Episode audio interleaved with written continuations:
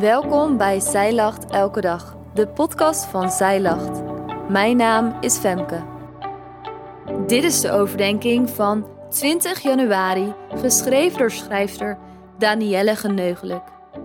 Afgelopen week hoorde ik getuigenissen waarin werd verteld over vervolging, leven in de duisternis, eenzaamheid en ziekte. Ik werd geraakt door het feit dat deze mensen door hun gebroken levens heen kozen voor Jezus. Boven al hun gebrokenheid staat Jezus. De vreugde was van het gezicht van de mensen af te lezen. Hoe heerlijk is dat? In Genesis lezen we over het moment dat de zonde in de wereld kwam. De zondeval had een gebroken wereld tot gevolg.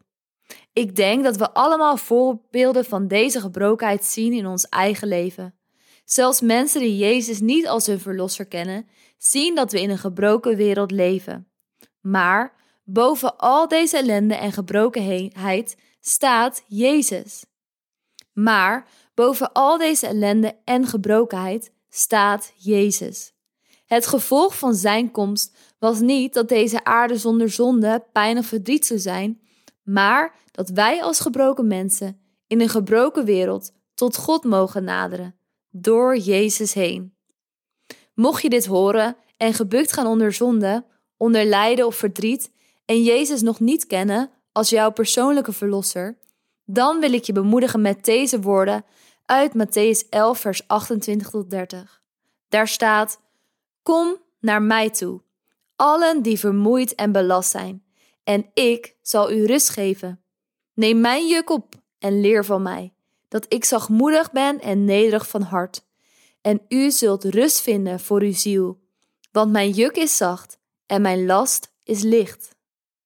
Jezus nodigt jou uit om Hem te leren kennen, zodat je leert dat Hij zachtmoedig, vriendelijk en hulpvaardig is.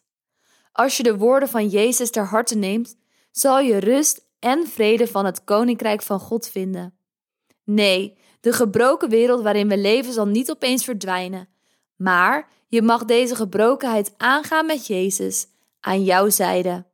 Wacht niet langer en geef je gebrokenheid aan Hem. Kies voor Hem.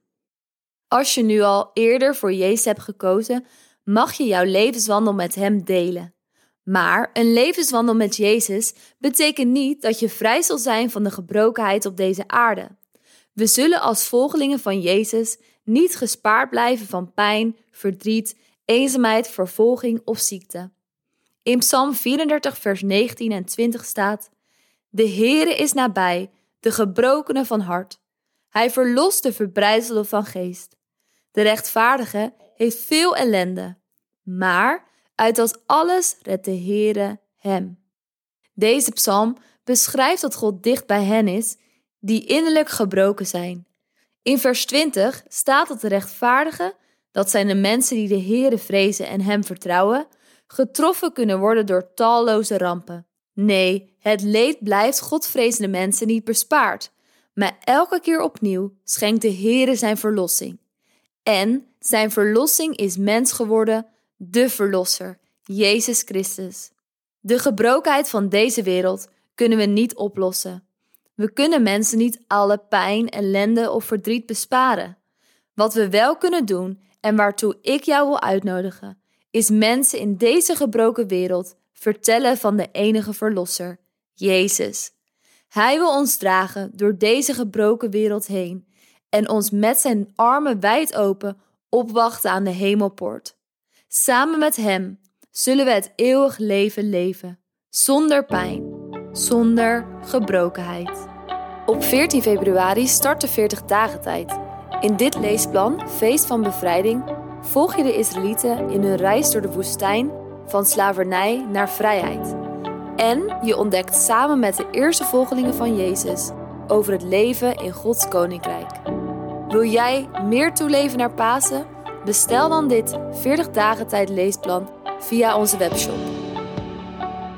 Dankjewel dat jij hebt geluisterd naar de overdenking van vandaag.